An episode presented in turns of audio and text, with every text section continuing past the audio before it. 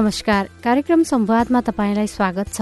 म सजना तिमल सिन्हा। कार्यक्रम संवाद सामुदायिक रेडियो प्रसारक संघ अखुराबद्वारा सञ्चालित सामुदायिक सूचना नेटवर्क सीआईएन मार्फत देशभरि प्रसारणमा रहेका करिब तीन सय सामुदायिक रेडियोबाट सुन्न सकिन्छ। यो कार्यक्रम W W W dot CIN Khabar dot कममा इन्टरनेट मार्फत चाहेको बेला विश्वभरि सुन्न सकिन्छ भने मोबाइल एप सीआईएन डाउनलोड गरेर पनि सुन्न सकिन्छ। कार्यक्रम संवाद स्वास्थ्यसँग सम्बन्धित विविध विषयमा केन्द्रित रहनेछ। आजको कार्यक्रममा हामी क्यान्सर रोग यसका प्रकार अनि उपचारको विषयमा क्यान्सर रोग विशेषज्ञ डाक्टर उज्जवल चालिसेसँग कुराकानी गर्नेछौं। विश्व स्वास्थ्य संगठनका अनुसार पछिल्लो समय विश्वमा सबैभन्दा बढी मृत्यु मुटु रोगबाट हुन्छ भने दोस्रो क्यान्सरबाट। एक तथ्याङ्क अनुसार एक वर्षमा करिब एक करोड क्यान्सरका बिरामीको मृत्यु भइरहेको छ। करिब एक करोड अस्सी लाख वर्षेनी क्यान्सरका नयाँ बिरामी थपिँदैछन् भने दुई करोड अस्सी लाख बिरामीले क्यान्सर जितेका पनि छन्। नेपालमा भने वर्षेनी बीसदेखि पच्चिस हजार नयाँ क्यान्सरका बिरामी पत्ता लागिरहेका छन्। अर्कोतिर बाह्रदेखि पच्चिस हजार क्यान्सर बिरामीहरूको मृत्यु पनि भइरहेको छ। आजको कार्यक्रममा हामी नेपालमा देखिने क्यान्सर रोग यसका प्रकार अनि उपचारको विषयमा क्यान्सर रोग विशेषज्ञ डाक्टर उज्जवल चालिसेसँग कुराकानी गर्नेछौ। कुराकानीको लागि उहाँ हाम्रो स्टुडियोमा हुनुहुन्छ। सबैभन्दा पहिला त क्यान्सर रोग के हो खासमा त्यो नै बुझ्ने गरी भनिदिनुहोस् न। हजुर। क्यान्सर रोग चाहिँ यो अहिले बढ्दै गइरहेको एक किसिमको चाहिँ जटिल प्राणघातक रोग मध्येमा पर्छ होइन? अब यो चाहिँ कस्तो हुन्छ भने यसमा हाम्रो के बुझ्नुपर्ने हुन्छ भने हाम्रो शरीरहरू कोषहरूले बनेर कोषहरूको समूहबाट तन्तुहरू निर्माण भएर त्यसले चाहिँ अङ्ग प्रत्यङ्ग बनेर चाहिँ हाम्रो शरीर बनेको हुन्छ। त्यो अर्बौँवटा कोषहरूमध्ये कुनै कोषमा चाहिँ त्यो कोषको चाहिँ एउटा सञ्चालन प्रवृत्ति चाहिँ बिग्रिएर होइन? त्यसमा चाहिँ अनियन्त्रित रूपमा वृद्धि हुँदै जाने अवस्थालाई चाहिँ क्यान्सर भनिन्छ। अब त्यो चाहिँ देखिने देखिने गरी चाहिँ शरीरमा कुनै एउटा मासुको रूपमा डल्लोको रूपमा चाहिँ देखिन सक्छ। र त्यो सुरु भएपछि चाहिँ त्यो बढ्दै बढ्दै मात्रै जाने र अरू शरीरको अरू भागमा पनि फैलिँदै जाने हुन्छ। रगतको माध्यमबाट शरीरमा अन्य भागमा पनि फैलिँदै जान्छ। तर यो अरू व्यक्तिलाई चाहिँ सर्दैन। क्यान्सर रोग नसर्ने प्रकृतिको रोग हो।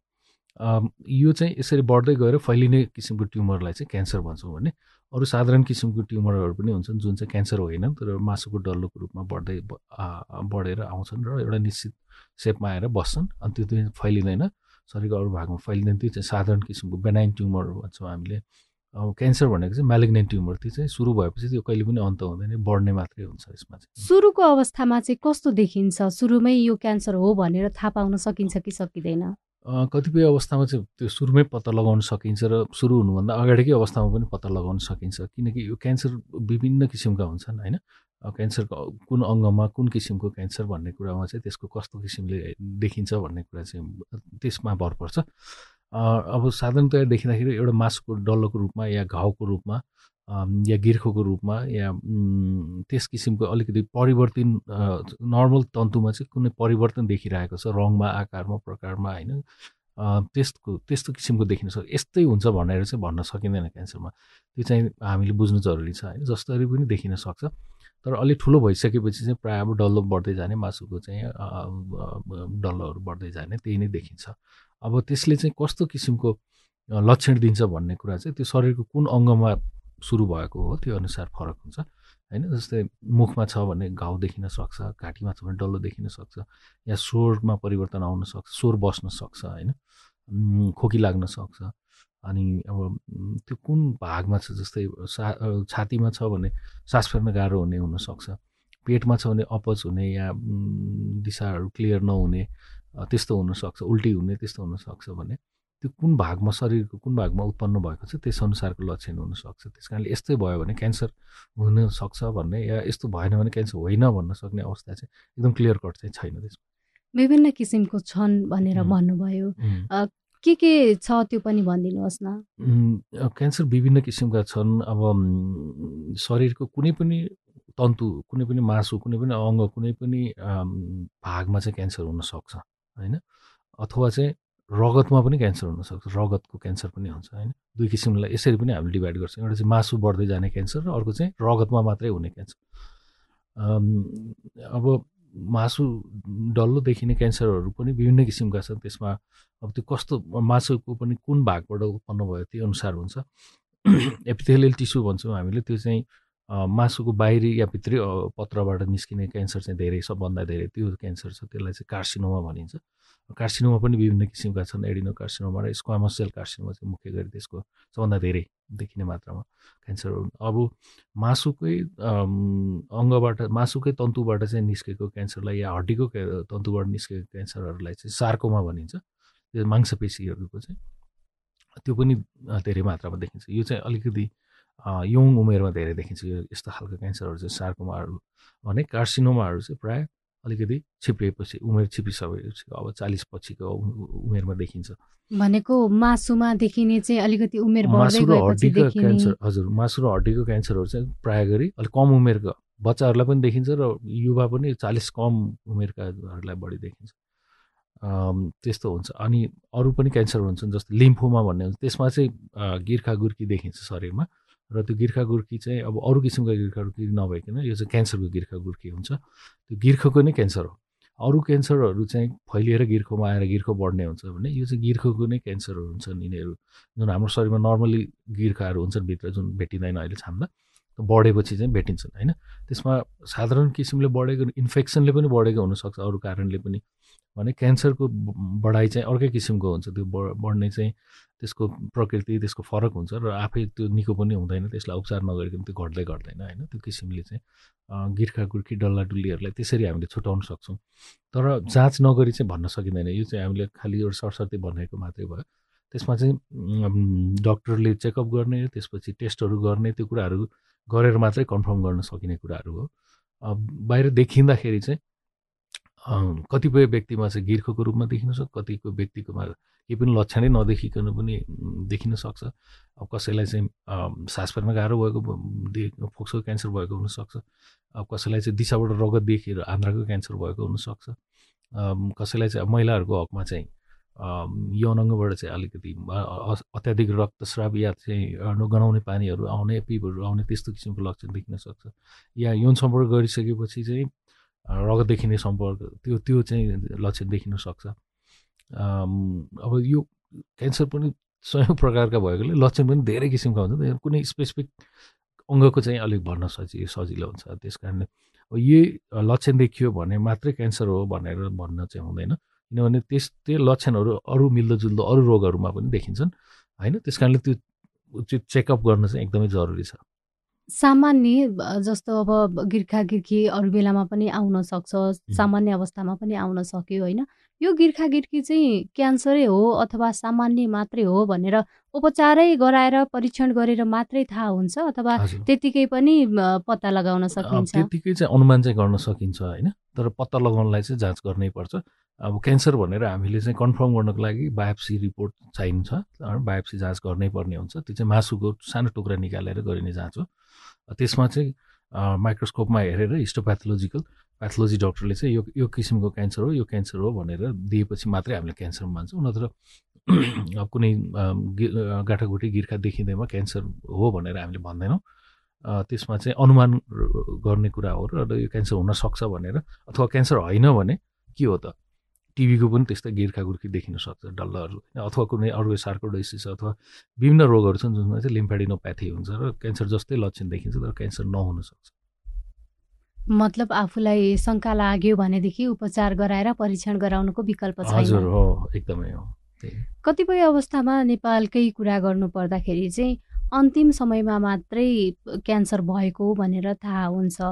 सुरुवाती चरणमा यो क्यान्सर हो भनेर पत्ता लगाउनको लागि चाहिँ सामान्यतया व्यक्तिहरूले के के गर्न सक्छन्?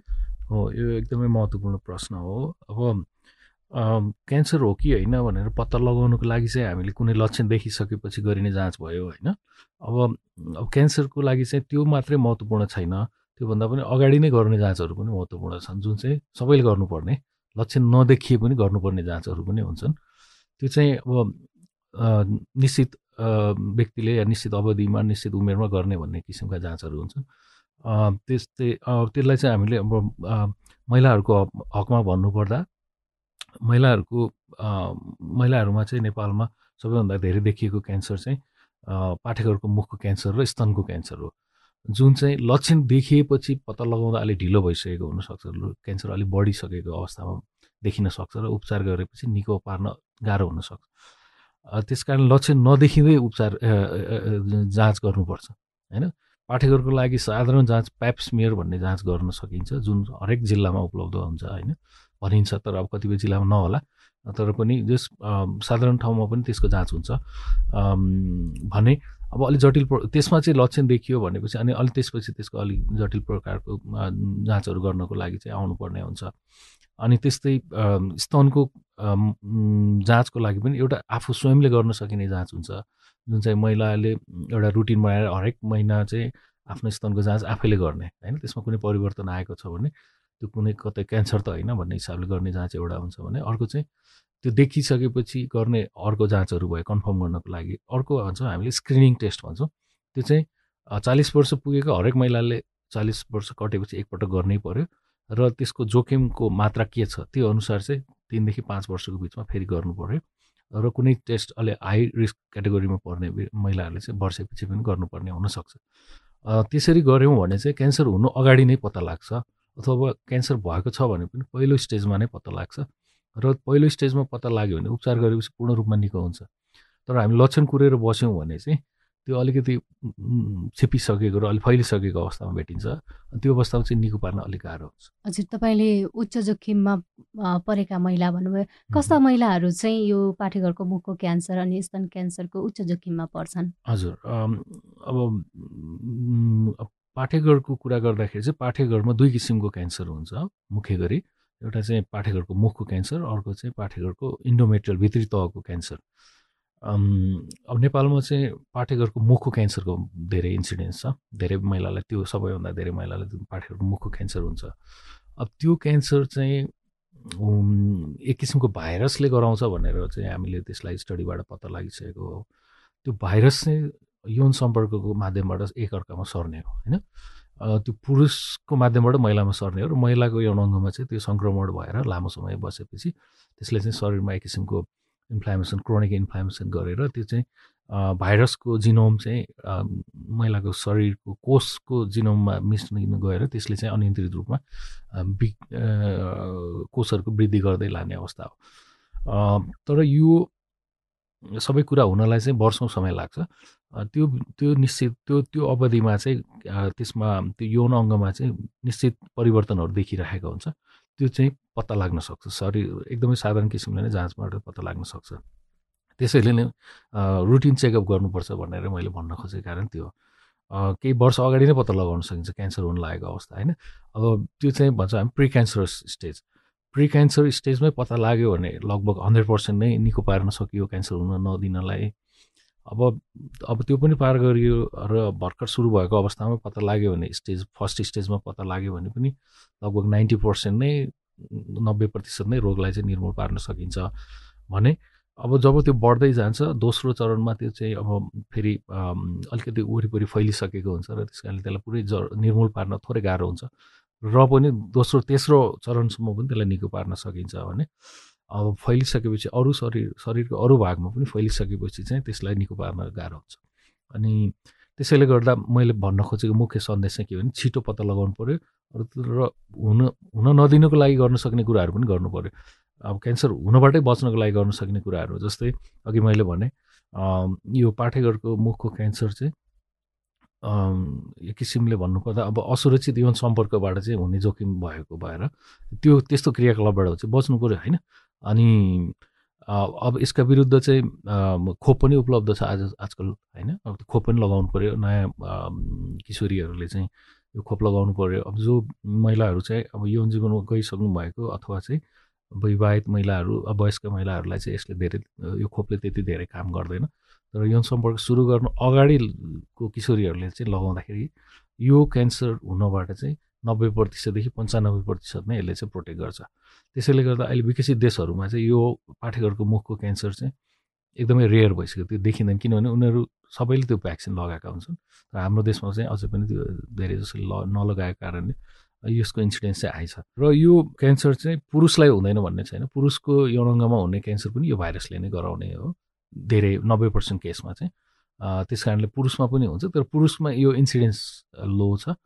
त्यो अब पुरुष र महिलाको यौनाङ्गको बनावटको विशिष्टताले गर्दाखेरिमा चाहिँ महिलामा यो बढी देखिन्छ। त्यस्तै महिलाको अब पाठेघरको जुन बडीको क्यान्सर पनि हुन्छ त्यो मुखको बाहेक जुन मेन बडीको त्यो चाहिँ इन्डोमेट्रियल क्यान्सर भन्छौँ त्यसलाई हामीले होइन? त्यो चाहिँ यो भाइरस जन्ने होइन यो चाहिँ फरक किसिमको यो चाहिँ हर्मोन जन्ने किसिमको क्यान्सर हो। यो चाहिँ कस्तो किसिमको महिलाहरूलाई धेरै हुन्छ भन्दाखेरि चाहिँ अब अलिक सहरी जीवनशैली यापन गर्ने महिलाहरूलाई चाहिँ बढी देखिन्छ। भने यो भाइरस जन्ने यो जुन पाठेघरको मुखको क्यान्सर चाहिँ अलिकति ग्रामीणमा अथवा चाहिँ अलिकति कम सोसियो इकोनोमिक स्ट्याटस भएको महिलाहरूमा धेरै देखिन्छ। इन्डोमेट्रियलको क्यान्सर चाहिँ थोरै हायर सोसियो इकोनोमिक स्ट्याटस र अलिकति सहरी महिलाहरूमा धेरै देखिन्छ। यसको कारण नै फरक फरक छ। एउटा भाइरसले गर्छ एउटा हर्मोन आफ्नै शरीरको बनावटले गर्दा हुन्छ। जुन महिलाहरू मोटो हुनुहुन्छ या बच्चा पाउने नपाएको बच्चा अविवाहित महिलाहरू अलि लामो समय उमेर छिपिसक्दाखेरि पनि चाहिँ बच्चा नपाएको या अविवाहित महिलाहरूमा चाहिँ बढी देखिन्छ। किनभने यो हर्मोनको कारणले चाहिँ महिलाको शरीरमा दुई किसिमको हर्मोन मुख्य गरी हुन्छ। यो महिला सम्बन्धी हर्मोनमा चाहिँ इस्ट्रोजन र प्रोजेस्ट्रोन भन्ने दुई किसिमको हर्मोन हुन्छ। इस्ट्रोजन हर्मोनले चाहिँ क्यान्सर गराउन खोज्छ। हुन त त्यो शरीरमा नर्मल्ली महिलाको लागि आफ्नो विकासको लागि चाहिने हर्मोन हो तर पनि त्यो क्यान्सरको त्यो हर्मोनको एउटा अर्को काम भनेको क्यान्सरको जोखिम बढाउने काम गर्छ। र कस्तो किसिमको महिलामा धेरै हुन्छ मोटो महिलाहरू अनि शारीरिक रूपमा अलिक कम एक्टिभ महिलाहरूमा अनि जसले चाहिँ प्रजनन कार्य गर्नुभएको छैन उहाँहरूमा यो हर्मोन बढी हुन्छ। भने जो महिला चाहिँ गर्भवती हुनुहुन्छ या स्तनपान गराइराखेको हुन्छ उहाँहरूमा प्रोजेस्टोरन हर्मोन बढी हुन्छ। प्रोजेस्टोरन हर्मोन चाहिँ प्रोटेक्टिभ हुन्छ क्यान्सरको लागि। यो चाहिँ दुइटा आगो र पानी जस्तो छ क्यान्सरको लागि। भनेको सन्तान जन्माउनु अथवा सन्तान उत्पादन गर्ने क्षमताले पनि पाठेघरको क्यान्सर हुनबाट चाहिँ जोगाउँछ। जोगाउँछ एकदम। क्लियर भाषामा हामीले बुझ्ने गरी भन्नुपर्दा चाहिँ त्यही नै हो। अब बच्चा जन्माउनु र बच्चालाई स्तनपान गराउनु चाहिँ क्यान्सरबाट बच्ने एउटा उपाय हो महिलाको लागि। तपाईँ अहिले कार्यक्रम संवाद सुनिरहनु भएको छ। आज आइतबारको संवाद हामी स्वास्थ्यसँग सम्बन्धित विविध विषयमा कुराकानी गर्छौं। आज हामीले क्यान्सर रोगको बारेमा क्यान्सर रोग विशेषज्ञ डाक्टर उज्जवल चालिसेसँग कुराकानी गरिरहेका छौं। हामी समस्या सँगसँगै त्यसको समाधानको उपाय पनि खोजौँ होइन? पाठेघरको मुखको क्यान्सर एउटा जोगिने उपाय भनेको खोप भयो। तपाईँले अर्को पाठेघरको क्यान्सरको कुरा पनि गर्नुभयो होइन? त्यो चाहिँ के गर्दाखेरि चाहिँ रोक्न सकिन्छ होला? जस्तै अब मोटोपना भएका महिला अनि जसले चाहिँ सन्तान जन्माउन सकेका छैनन्। मैले सिधा सिधी सबैले बुझ्ने भाषामा भनिसके भनिराखेको छु होइन? उनीहरूलाई चाहिँ जोखिम हुन्छ भनिरहँदा उपाय चाहिँ के छ त? यो क्यान्सर नहोस् भन्नका लागि के के सावधानीहरू अप्नाउन सकिन्छ? हजुर अब क्यान्सरबाट बच्नको लागि चाहिँ मुख्य गरी दुई किसिमका जोखिमहरू हुन्छन्। यो एक किसिमको जोखिमलाई चाहिँ हामीले आफूले चाहिँ कन्ट्रोल गर्न सक्छौँ। अब कतिपय कुराहरू चाहिँ हामीले कन्ट्रोल गर्न सक्दैनौँ होइन? आफूले कन्ट्रोल गर्न सक्ने कुराहरूलाई चाहिँ गर्नु पऱ्यो होइन? जस्तै त्यही तपाईँले भने जस्तै इनोमेट्रियल क्यान्सरको हकमा चाहिँ अब मैले अघि भने इस्ट्रोजन लेभल हाई भएको महिलाहरूलाई चाहिँ त्यो इन्सुरेन्स हाई हुन्छ होइन? अब त्यो कस्तो किसिमको अलिकति नेपाली भाषामा नेपालीकरण गरेर हजुर इस्ट्रोजन हर्मोन र प्रोजेस्ट्रोन हर्मोन भन्ने अब यसको नेपाली नाम चाहिँ छैन होइन? त्यो दुई किसिमको हर्मोन हुन्छ। इस्ट्रोजन हर्मोन महिलाको विकासको लागि चाहिने हर्मोन हो तर यो यसको चाहिँ अत्याधिक मात्रा हुँदाखेरि चाहिँ यसले क्यान्सर पनि गराउन सक्छ। त्यो कस्ता महिलालाई बढी हुन्छ भन्दा जो महिला भइकन पनि बच्चा उत्पादन गर्नु भएन अथवा यो के अरे प्रजनन गर्नु भएन अथवा चाहिँ स्तनपान गराउनु भएन उहाँहरूमा चाहिँ एक्सपोजर लेभल हाई हुन्छ। होइन उहाँहरूमा त्यसको मात्रा बढी हुन्छ इस्ट्रोजनको त्यसैले गर्दा क्यान्सर हुने सम्भावना बढी हुने भयो। त्यस कारणले महिलाहरूले चाहिँ अनि अरू चाहिँ मो मोटो महिलामा पनि इस्ट्रोजनको हर्मोन बढी हुन्छ। मोटो महिला महिला मोटो कसरी हुनुहुन्छ भन्दाखेरि शारीरिक श्रम कम भयो अनि खानपिन अलिक चिल्लो ज्यादा या खान त्यो ब्यालेन्स मिलेन भने चाहिँ अनि मोटो हुने हो। मोटो भएपछि इस्ट्रोजन हर्मोन बढ्ने भयो। जसरी मोटो महिलालाई क्यान्सरको मात्रै कुरा होइन कि सुगर डायबिटिज घुँडाको रोग यिनीहरू पनि धेरै देखिन्छ थाइरोइड रोग। त्यस कारणले मोटो हुनु भएन मोटाउनु भएन। होइन स्लिम बस्नु पऱ्यो मतलब फिट हुनु पऱ्यो शारीरिक अभ्यास पनि गर्नु पऱ्यो फिजिकल एक्सर्साइजहरू गर्नु पऱ्यो अनि त्यसपछि अब बच्चा बच्चा पाइदिनु पऱ्यो अनि त्यसपछि बच्चालाई चाहिँ स्तनपान गराउन एकदमै जरुरी छ किनभने जति लामो समय बच्चाले स्तनपान गर्छ त्यति समय चाहिँ महिलाको लागि प्रोटेक्टिभ हुन्छ कि क्यान्सरबाट। स्तन क्यान्सर पनि पाठेघरको इन्डोमेट्रियल क्यान्सर पनि। त्यस कारणले त्यो महत्त्वपूर्ण छ। अब हुन त अब कतिपय अवस्थामा त्यो हर्मोनको कारणले या अरू कारणले चाहिँ चाहेर पनि महिलाहरूले चाहिँ बच्चा उत्पादन गर्नु नसकेको अवस्था पनि हुन्छ होइन। त्यो चाहिँ फेरि त्यसको लागि पनि ट्रिटमेन्ट छुट्टै होला। त्यो त्यतातिर चाहिँ जानु पऱ्यो र एउटा नर्मल नेचुरल हिसाबले प्राकृतिक जीवन बिताउँदाखेरि चाहिँ क्यान्सर हुन सक्ने सम्भावना कम हुन्छ कि? जस्तै महिलाको लागि पाठेघरको क्यान्सरको कुरा गऱ्यौँ हामीले पुरुषहरूमा चाहिँ मुख्य गरी कुन क्यान्सरहरू धेरै देखिन्छ?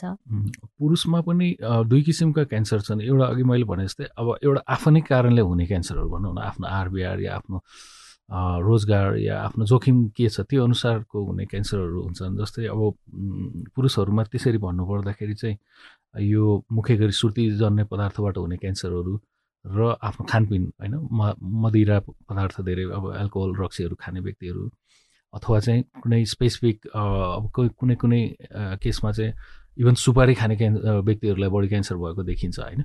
अनि त्यस्तै अब कोही म पुरुषहरू चाहिँ अब धेरै घाममा काम गर्ने किसिमको चाहिँ रोजगारी छ भने उहाँलाई छालाको क्यान्सरहरू भएको देखिन्छ।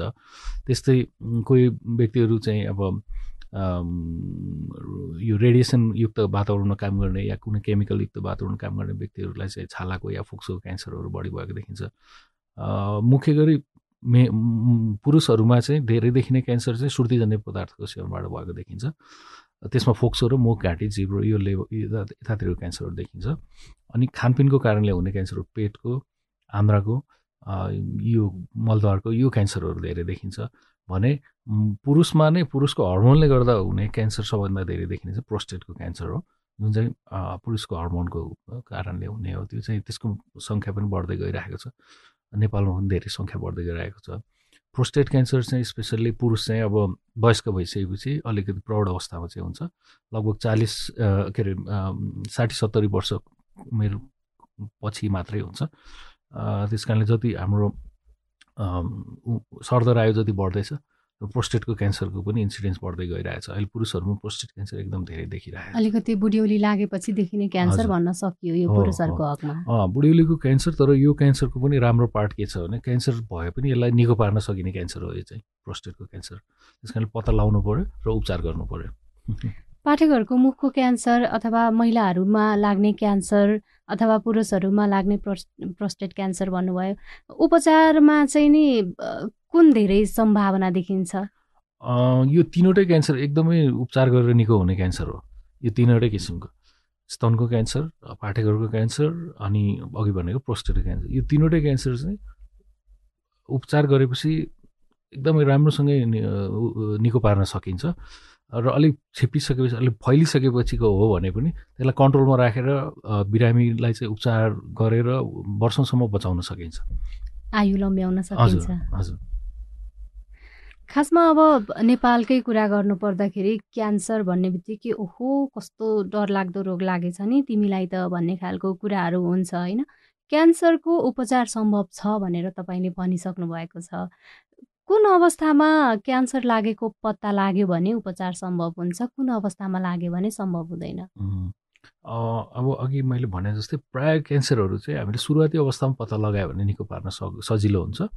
अब कुनै कुनै क्यान्सर चाहिँ फैलिसकेपछि पनि निको पार्न सकिन्छ। त्यसैले मैले भन्नु पर्दाखेरि क्यान्सरको उपचार गर्न सकिन्छ र त्यसलाई निको पार्न पनि सकिन्छ। अब निर्मूलै पनि पार्न सकिन्छ र क्यान्सर फ्री भएर उहाँ चाहिँ उपचारपछि नर्मल जीवनमा बिताएका अब हाम्रो हजारौँजना बिरामीहरू फलोअपमा हुनुहुन्छ होइन? त्यस कारणले यो अब अब यो प्रमाणितै भइसक्यो कि क्यान्सरको चाहिँ उपचार सम्भव छ होइन? अनि निको पनि पार्न सकिन्छ र फेरि फर्केर आयो भने फेरि पनि उपचार गर्न सकिन्छ। तर त्यो सबैको मुख्य मेरो सन्देश चाहिँ के हो भने जति छिटो पत्ता लाग्यो त्यति सजिलै उपचार गर्न सकिन्छ र निको हुने सम्भावना पनि धेरै हुन्छ। जति ढिलो पत्ता लाग्यो उपचार पनि लामो समय गर्नुपर्ने र निको हुने सम्भावना पनि कम हुँदै जाने त्यस्तो किसिमको हुन्छ। हामीले हेर्दाखेरि जो चिरपरिचित हुनुहुन्छ उहाँहरूलाई पनि क्यान्सर रोग लागेर उपचार गराइसकेपछि निको भएर अहिले सामान्य जीवन बिताइरहनु भएकोहरू पनि भेट्छौँ होइन? कतिपय अवस्थामा बिरामीहरू चाहिँ अब क्यान्सर रोग लाग्यो भनेर आफै पनि अब निको नै भइँदैन सम्पत्ति पनि सकिन्छ उपचार पनि हुँदैन भन्ने खालको मानसिकता पनि भएकाहरू हुनुहुन्छ। उहाँहरूलाई के भन्नुहुन्छ? हो यो चाहिँ पुरानो मानसिकता हो होइन? अब समाजमा चाहिँ त्यो एउटा भनाइ व्याप्त नै छ त्यो क्यान्सर भएपछि उपचार गर्न सकिँदैन त्यस कारणले अनावश्यक खर्च नगर्ने अथवा चाहिँ दुःख नदिने भन्ने किसिमको चाहिँ एउटा मान्यता छ। तर यो पुरानो मान्यता हो किनभने अहिले रोग पनि छिटो पत्ता लाग्छ। अहिले अहिले जुन हाम्रो मेडिकल सेवामा चाहिँ भएको विकासले गर्दा भनौँ रोग पनि छिटो पत्ता लाग्ने र उपचारहरू पनि उपलब्ध भएको कारणले उपचार गर्नुपर्छ। उपचार गर्दाखेरि चाहिँ मुख्य कुरा त्यो कुन चरणमा हामीले भेटायौँ त्यसमा फरक पर्छ। होइन सुरुवाती चरणमा भेटायो भने निको पार्न निको पार्न सकिन्छ। तर हामीले व्यवस्था गर्दै गयौँ र ढिलो गरी मात्रै अस्पतालमा आयौँ भने चाहिँ त्यो फैलिसकेको हुन्छ र त्यसमा त्यो बेला चाहिँ निको पार्न सकिँदैन। अनि त्यो बेला चाहिँ हो अघि भनेको जस्तै क्यान्सर चाहिँ निको नहुने भनेको अथवा चाहिँ त्यसले चाहिँ जानै जाने अवस्था भनेको त्यो बेला हो त्यो फैलिसकेपछि। क्यान्सर पहिलो स्टेजमा एक ठाउँमा बसेर कहिले पनि जान लिँदैन बिरामीको। होइन त्यो बेला चाहिँ उपचार गरेर त्यसलाई हामीले उचित उपचार गरेर निर्मूल गर्न सक्यौँ भने ज्यान जोगाउन सकिन्छ। तर त्यसलाई वास्ता गरेनौँ हामीले उचित उपचार गरेनौँ या हामीले उचित चाहिँ परामर्श पाएनौँ र भौतार्यो अन्यलमा रह्यो र समय गुमायो भने चाहिँ त्यो फैलिन सक्छ। फैलिसकेपछि निको पार्न सकिँदैन। नेपालमै उपचार सम्भव छ नि? एकदमै सम्भव छ। हामीले अब गरिराखेकै छौँ होइन? अब सरकार सरकारी तौरबाटै तिनवटा अस्पताल सञ्चालित छ क्यान्सरको लागि। भरतपुरमा BP Koirala memorial cancer hospital भक्तपुरमा Bhaktapur cancer hospital र यता कोलपुर बाँके बाँकेमा चाहिँ खजुरामा चाहिँ सुशील कोइराला क्यान्सर हस्पिटल। तिनवटा सरकारी क्यान्सर अस्पताल छन्। त्यसबाहेक अब शिक्षण अस्पताल महाराजगञ्जमा पनि क्यान्सरको उपचार हुन्छ। अनि सिभिल अस्पताल अनि वीर अस्पतालदेखि लिएर अरू पनि क्षेत्रीय अस्पतालहरूमा पनि उपचार हुन्छ। तर सबै उपचार एकै ठाउँ उपलब्ध नहुन सक्छ। क्यान्सरको उपचारमा चाहिँ एक किसिमको उपचारले मात्रै नपुग्ने अब हुन्छ प्रायः। त्यस्तोमा चाहिँ अब जु जुन उपचार त्यहाँ हुन्छ त्यहाँ हुन्छ र बाँकी उपचारको लागि अब क्यान्सर हस्पिटलमा रिफर हुनसक्छ त्यो हिसाबले उपचार चाहिँ अहिले लगभग सबै किसिमको क्यान्सरको चाहिँ उपचार नेपालमा हुन्छ। तर त्यो प त्यो छ होइन? क्यान्सरको बिरामीको सङ्ख्या धेरै छ तर उपचार गर्ने ठाउँ र हामीसँग स्रोत साधन चाहिँ कमी छ। विशेषज्ञहरूको पनि कमी छ। र त्यो उपलब्धता पनि स देशको सबै भागमा छैन। त्यस कारणले उपचार चाहिँ हुन्छ तर सेवाको ऊ चाहिँ पहुँच चाहिँ कम छ। त्यो चाहिँ म भन्न सक्छु त्यसैले त्यो त्यो बढाउनु जरुरी छ किनकि यो रोग पनि बढ्दै गइरहेको छ। त्यस कारणले यसको क्यान्सरको उपचारको सेवाको पहुँच चाहिँ बढाउनु पऱ्यो क्यान्सर अस्पतालहरू बढाउनु पऱ्यो यसको अथवा क्यान्सर अस्पतालै नभए पनि जुन देशका ठुला ठुला अस्पतालहरूमा सबैमा क्यान्सरको चाहिँ उपचार हुने स्रोत साधन र विशेषज्ञहरूको व्यवस्था चाहिँ हुनुपर्छ भन्नु छ स्टुडियोसम्म आइदिनु भयो यो समय दिनुभयो त्यसको लागि धेरै धन्यवाद दिन्छु हस् धन्यवाद। मलाई यहाँसम्म आएर चाहिँ मैले जानेका कुराहरू चाहिँ श्रोता माझमा पुर्याउन मद्दत गर्नुभएकोमा यहाँलाई धन्यवाद। उहाँ हुनुहुन्थ्यो क्यान्सर रोग विशेषज्ञ डाक्टर उज्जवल चालिसे बेलैमा रोग पत्ता लागि क्यान्सर निको हुने बताउँदै। यो कुराकानीसँगै हामी कार्यक्रमको अन्त्यतिर आइपुगेका छौं। आजको विषयवस्तु तपाईँलाई कस्तो लाग्यो? तपाईँ हामीलाई हाम्रो टेलिफोन नम्बर शून्य एक बान्न साठी छ चार छमा फोन गरेर आफ्नो कुरा भन्न सक्नुहुनेछ। यस्तै सिआइएनको Facebook page community information network सिआइएनमा गएर पनि आफ्ना कुरा लेख्न सक्नुहुनेछ। आजको लागि सिआइएनले तयार पारेको कार्यक्रम संवादबाट प्राविधिक साथी सुभाष पन्तसँगै सजना तिमल सिना विदा हुन्छु। नमस्कार।